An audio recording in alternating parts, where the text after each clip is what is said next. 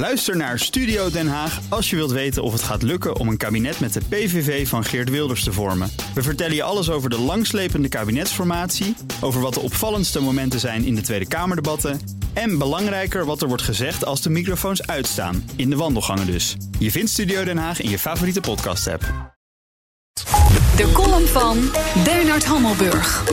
Polyesterbroekpak, dikke lichamen, denken dat Kopenhagen de hoofdstad is van Nederland, zeer lawaaiig en onophoudelijk oh my god roepen, zie hier de karikatuur van de ugly American. Zo hebben de Amerikanen er ook een voor ons. Wij zijn Eurotrash. En al zeker in de ogen van de Trumpist. Eurotrash, dat zijn Europese snobs, merkkleding, pretenties, eigenwijs, bedweterig, die veel reizen of, erger nog, in Amerika wonen. Zeg maar zoiets als democraten. De Europese Unie is misschien wel de allerergste, vinden Trump en de Trumpisten, want die blasé hooghartige ijdeltuiten in Brussel vertellen Amerika met de neus omhoog hoe het moet en hoort. Of in de woorden van minister Mike Pompeo van Buitenlandse Zaken, bureaucraten die hun eigen belang stellen boven dat van hun landen en burgers. Dat moet de achtergrond zijn geweest van de plotselinge demotie van de Europese vertegenwoordiger in Washington, die in december tijdens de uitvaart van George Bush senior achter in de rij hoogwaardigheidsbekleders moest en al dus ontdekte dat hij zijn status als ambassadeur kwijt was. Oh ja, verhip, was de reactie van het State Department. Dat hadden we hem helemaal vergeten te vertellen.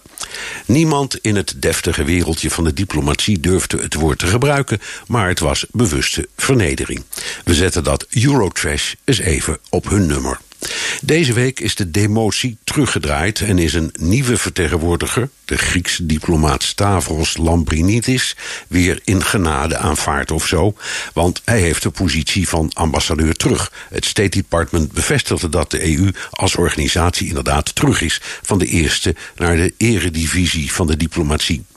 Incident gesloten, kun je zeggen. Flauw plaagstootje, maar we gaan dapper verder. Dat lijkt me verstandig, maar we mogen ons geen illusies maken over hoe de Trumpisten naar ons kijken. Eurotrash. En laten we eerlijk wezen, hoe kijken wij naar de Trumpisten? Ugly Americans? En dat was uh, de column van onze eigen buitenland, buit, buitenlandcommentator Bernard Hammelburg. Op bnr.nl en in de BNR-app vind je meer columns en podcasts.